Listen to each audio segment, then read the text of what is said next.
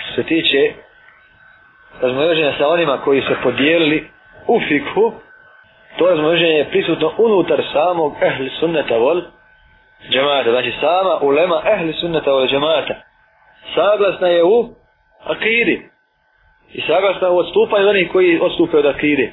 Međutim, ona sama je podijeljena po, pitanj, po nekim pitanjima sporednim unutar fiških propisa.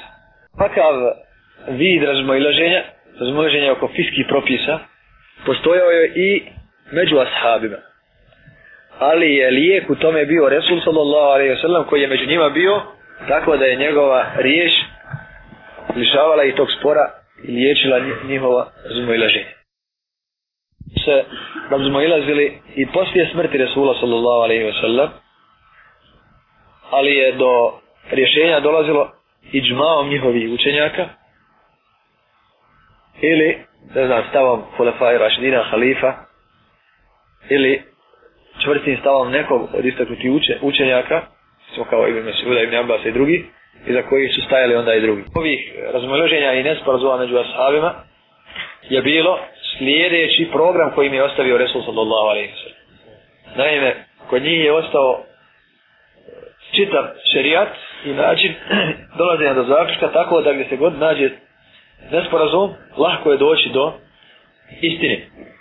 Pored svega toga, pored njihove znači, težnje i učenosti i volje da prevazliđu razmiloženja, ostalo nam je po nekim pitanjima razmiloženje kod ashaba. Pa ćemo naći kod nekih pitanja dva mišljenja među ashabima ili čak tri. I o nekim znači, pitanjima od njihovog razmiloženja nije se, nije se došlo do objedinjavanja mišljenja, nego je jednostavno preuzeto, preuzeto su ta dva stava, zbog toga što postoje dva dokaza, dva načina mogućeg razumijevanja i sl. Poslije njih, poslije ashaba, muslimani se razmonali sve više i više. Bilo da su imali sve više i više mišljenja, bilo da je nastalo sve više i više pitanja oko kojih su se razmonilazili. Tako da su zauzeli različite stavove prema tim razumiloženjima. Ima i koji su pokušavali prevaziti, da traže istinu, da odaberu e, mišljenje koje će slijediti. Da ga nije ne briga šta slijedi i tako. Teže je za razumiloženjem. Podgrijavaju ga. I zastupaju ga. A neki teže je da se prevaziđe razumiloženje i da se iskorijene njegovi, njegovi povodi.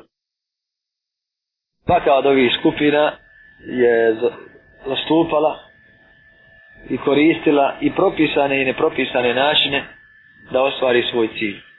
Ako je, ako je znači nastupala razmojilaženja i propisane stvari je koristila isto tako i od sebe je stvari uzmala u cilju da, da, da pobjedi njeno mišljenje. A tako i druga. A neki su zauzeli takav stav da nisu uopšte govorili o razmojilaženju, nego su zatvorili unutar sebe i propustili razmojlaženja među ljudima neka teku kako hoće bez njihova učešća. Učenjaci rani i kasnije su se bavili ovim pitanjem i pisali su na temu razmojlaženja objašnjavajući teme o koji su razmojlazili stavove koje su zauzimali razloga razmojlaženja pa čak i način, način za približavanje mišljenja.